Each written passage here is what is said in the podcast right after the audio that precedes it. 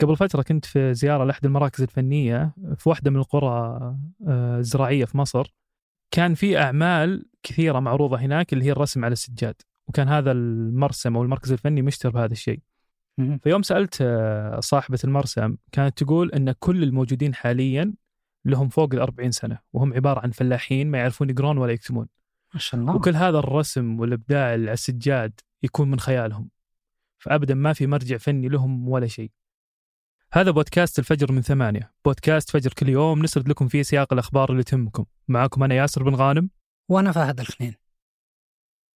كل فترة تتكرر بأمريكا حوادث تسريبات لمعلومات مهمة وحساسة لأكثر من جهة حكومية وبالعادة ترتبط باسم معين. مثل اللي صار ب 2006 لما بدأ مواطن أسترالي اسمه جوليان أسانج موقعه المشهور ويكيليكس اللي ينشر فيه وثائق سرية مسربة. لحكومات كثير حول العالم Late this afternoon, news organizations began posting a trove of classified documents from the Iraq War given to them by the whistleblower Julian Assange. منها مثلا اللي انشر ب 2010 واللي كان أكثر من 200 ألف ملف سري عن استهداف أمريكا للمدنيين بحرب العراق وتعاملهم الوحشي بالسجون فيها وكانت أكبر تسريب لوثائق سرية عسكرية بالتاريخ أو النشر اللي صار قبلها بثلاث سنوات يوم كشف أكثر من 230 صفحة تفصل وتشرح طريقة تعامل الجيش الأمريكي مع سجناء سجن غوانتنامو ومختلف طرق التعذيب اللي كانوا يستخدمونها وقتها. وكملت الحكومات وبالذات الحكومة الأمريكية تلاحق لين ما مسك ببريطانيا قبل أربع سنوات. بعد ما جلس أكثر من ست سنوات بلجوء سياسي داخل سفارة الإكوادور بلندن. أو حتى إدوارد سنودن اللي هرب لروسيا بعد ما سرب معلومات عن برنامج سري تستخدمه الاستخبارات الأمريكية للتجسس على الاتصالات داخل وخارج أمريكا وبعد هالتسريبات المختلفة اعترفت وزارة الدفاع الأمريكية هالأسبوع أن صار تسريب كبير لمعلومات سرية من قواعد معلوماتها The Pentagon investigating how top secret U.S. documents came to be posted on social media. منها مثلا أن الرقم الرسمي اللي تعلنه أمريكا لعدد ضحايا روسيا من الحرب حوالي 200 ألف يقول التسريب أن الرقم الفعلي 15 إلى 17 ألف قتيل بس. لكن هالمرة ما كان في اسم معين وراء اللي صار. لأن المعلومات اللي تسربت كانت مفتوحة ويقدر يوصلها عدد كبير من الموظفين بالوزارة. وبالتالي صعب تحديد هوية المسرب بينهم. وعموما اللي أعطى التسريب أهمية واهتمام هو أنه كشف خطط دقيقة لأمريكا والناتو بطريقة مساعدتهم لأوكرانيا. بعملية عسكرية كبيرة بتسويها ضد روسيا بالفترة الجاية. وكانت المعلومات المنشورة دقيقة لدرجة أنها حددت عدد الجيش الأوكراني وانتشاره وحتى تواريخ تسليم أسلحة أمريكا والناتو لأوكرانيا. ومن المعلومات اللي طلعت واللي كانت أمريكا تتجنب تعطي عنها أي تفاصيل هو استخدام أوكرانيا لقاذفة الصواريخ الأمريكية هايمرز وحجم اعتمادها عليه. واللي تعتبر من أهم الأسلحة اللي تعطيها أمريكا لحلفائها حول العالم. وتقول التسريبات أن أوكرانيا زادت بالفترة الأخيرة من اعتمادها عليها وأنها فادتها كثير باستهداف الأهداف البعيدة مثل مخازن الأسلحة أو تجمعات الجنود الروس أو حتى البنية التحتية اللي تستهدف تدميرها. ومن التفاصيل اللي توضح حجم ارتباط أمريكا بالحرب أن أحد الاجتماعات اللي حضرها عدد كبير من القيادات العسكرية الأوكرانية كان بقاعدة لأمريكا بألمانيا وكان بالاجتماع معاهم رئيس هيئة الأركان بأمريكا والقائد العسكري الأعلى للناتو. وأنه من بين 12 لواء تخطط أوكرانيا تأسسهم تسعة منهم بيكونون بتدريب وتجهيز أمريكي كامل. وتقريبا في طرف واحد بس مستفيد من التسريب واللي هي روسيا. اللي يعتبر هالتسريب أول إنجاز بهالحجم للاستخبارات الروسية من بداية الحرب. وأهميته أنه جاء في وقت تستعد فيه أوكرانيا لعملية ضد روسيا كان مفترض تصير خلال الشهر الجاي. لكن اليوم تتعقد العملية أكثر. بعد ما طلعت معلومات دقيقة عن عدد الجنود الأوكرانيين وطرق تدريبهم وغيرها واللي بتساعد روسيا تبني دفاعها بالضبط بالشكل اللي بيرد هجوم بهالطريقة.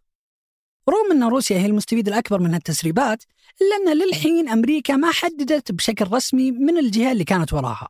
رغم أن مبدئيا ثلاث مسؤولين أمريكيين رجحوا مسؤولية روسيا أو جهات تابعة لها بالتسريب اللي صار خصوصا وأن عدد كبير من الجهات الإعلامية التابعة بشكل رسمي لروسيا نشرت التسريبات بشكل مكثف بالأيام اللي راحت. وقالوا أن الوثائق اللي طلعت نشرت بعد ما غيرت فيها الجهات عدد ضحايا روسيا بالحرب وخلته أقل بكثير من الرقم اللي كان فعلا بالوثائق السرية. أما من جهة أوكرانيا فرغم أن أمريكا أكدت أنها الوثائق صحيحة إلا أن أوكرانيا قالت أنها مجرد معلومات مزيفة. وأنها من حملة روسية للتشكيك بالهجوم الجاي اللي تخطط تسويه أوكرانيا. ومتوقع أنها بالفترة الجاية تقلل من مشاركة معلوماتها وخططها مع أمريكا. وهو الشيء اللي أصلا كان صاير قبل حتى التسريب. لدرجة أن مسؤولين بالاستخبارات الأمريكية قالوا أنهم بعض الأوقات كانوا فاهمين خطط روسيا وعندهم معلومات عنها أكثر من فهمهم لخطط أوكرانيا نفسها. ولو بنشوف عموما كيف تأثر التسريبات مثل هذه على الحرب. فأقرب مثال هو حالة أوكرانيا نفسها. اللي رغم أنها تواجه ثاني أقوى جيش بالعالم حسب آخر التصنيفات إلا أنها قدرت تصمد بالحرب لأسباب كثيرة. من أهمها الدعم بالمعلومات الاستخبارية من أمريكا وباقي حلفائها بالحرب.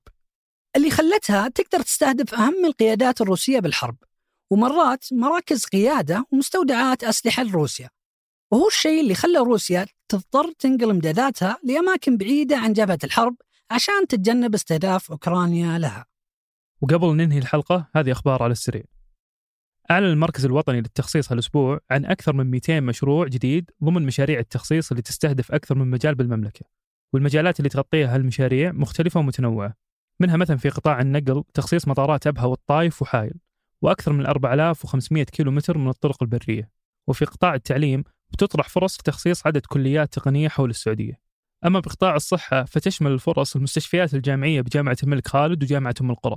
وحسب التصريح قدر المركز في الخمس سنين اللي راحت يرسي عقود 43 مشروع بمختلف القطاعات. ويخطط بالفترة الجاية يزيد أكثر من الفرص اللي بيكون أغلبها متاح للمستثمرين المحليين والدوليين. وبعد أربع شهور من إطلاق ChatGPT لأول مرة رحلة استكشافية وطريقة التعامل الآمنة معه باقي ما اكتملت. وتحديدا في شركة سامسونج اللي دخل أحد مهندسين أشباه الموصلات فيها ب ChatGPT معلومات سرية للشركة عشان يساعده بحل مشكلة كان يواجهها. ومرة ثانية دخل محضر اجتماع سري ل ChatGPT عشان يساعده بتحويل المحضر لعرض تقديمي. وبكذا تصير كل هالمعلومات تسربت من سامسونج. لأن ChatGPT يحتفظ بكل البيانات اللي تدخل له ويعطي مدربين الذكاء الاصطناعي فيها صلاحية الاطلاع على المعلومات ومراجعتها. وهالمشكلة اللي واجهتها سامسونج خلتها تطلب من مبرمجينها أنهم يطورون شيء يشبه ChatGPT ولو بقدرات أقل.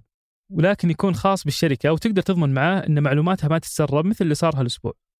وهالأسبوع حسب تقرير رويترز بيجتمع في صنعاء وفد سعودي وعماني مع ممثلين من جماعة الحوثي للوصول لحل سياسي شامل. بيكون معاه اتفاق لوقف دائم لإطلاق النار باليمن. وحسب التحليلات بتركز المفاوضات على إعادة فتح كل الموانئ والمطارات باليمن ودفع رواتب كل الموظفين بمختلف المناطق باليمن.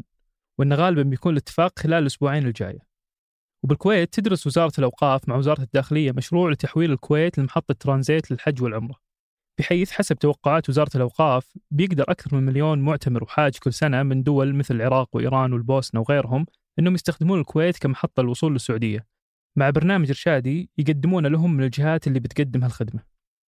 وبعد أشهر من الإعلان عن المخطط الإعلاني الجديد للرياض طرحت هالأسبوع أحد شركات أمانة الرياض فرصها الجديدة لأشكال إعلانات جديدة قدمها المخطط الإعلاني الجديد. منها مثلا الإعلانات عن واجهات المباني أو الأراضي البيضاء أو المباني تحت الإنشاء أو الترميم أو حتى على سيارات الأجرة والباصات العامة. وحسب تصريح الأمانة هدف التغيير هو تجميل مشهد المدينة وتحسين مظهرها. أنتج هذه الحلقة فيصل جابر ورهف العصار وقدمتها أنا فهد الخنين. وأنا ياسر بن غانم. وراجعها عمر العمران وحررها محمود أبو ندى. نشوفكم بكرة الفجر.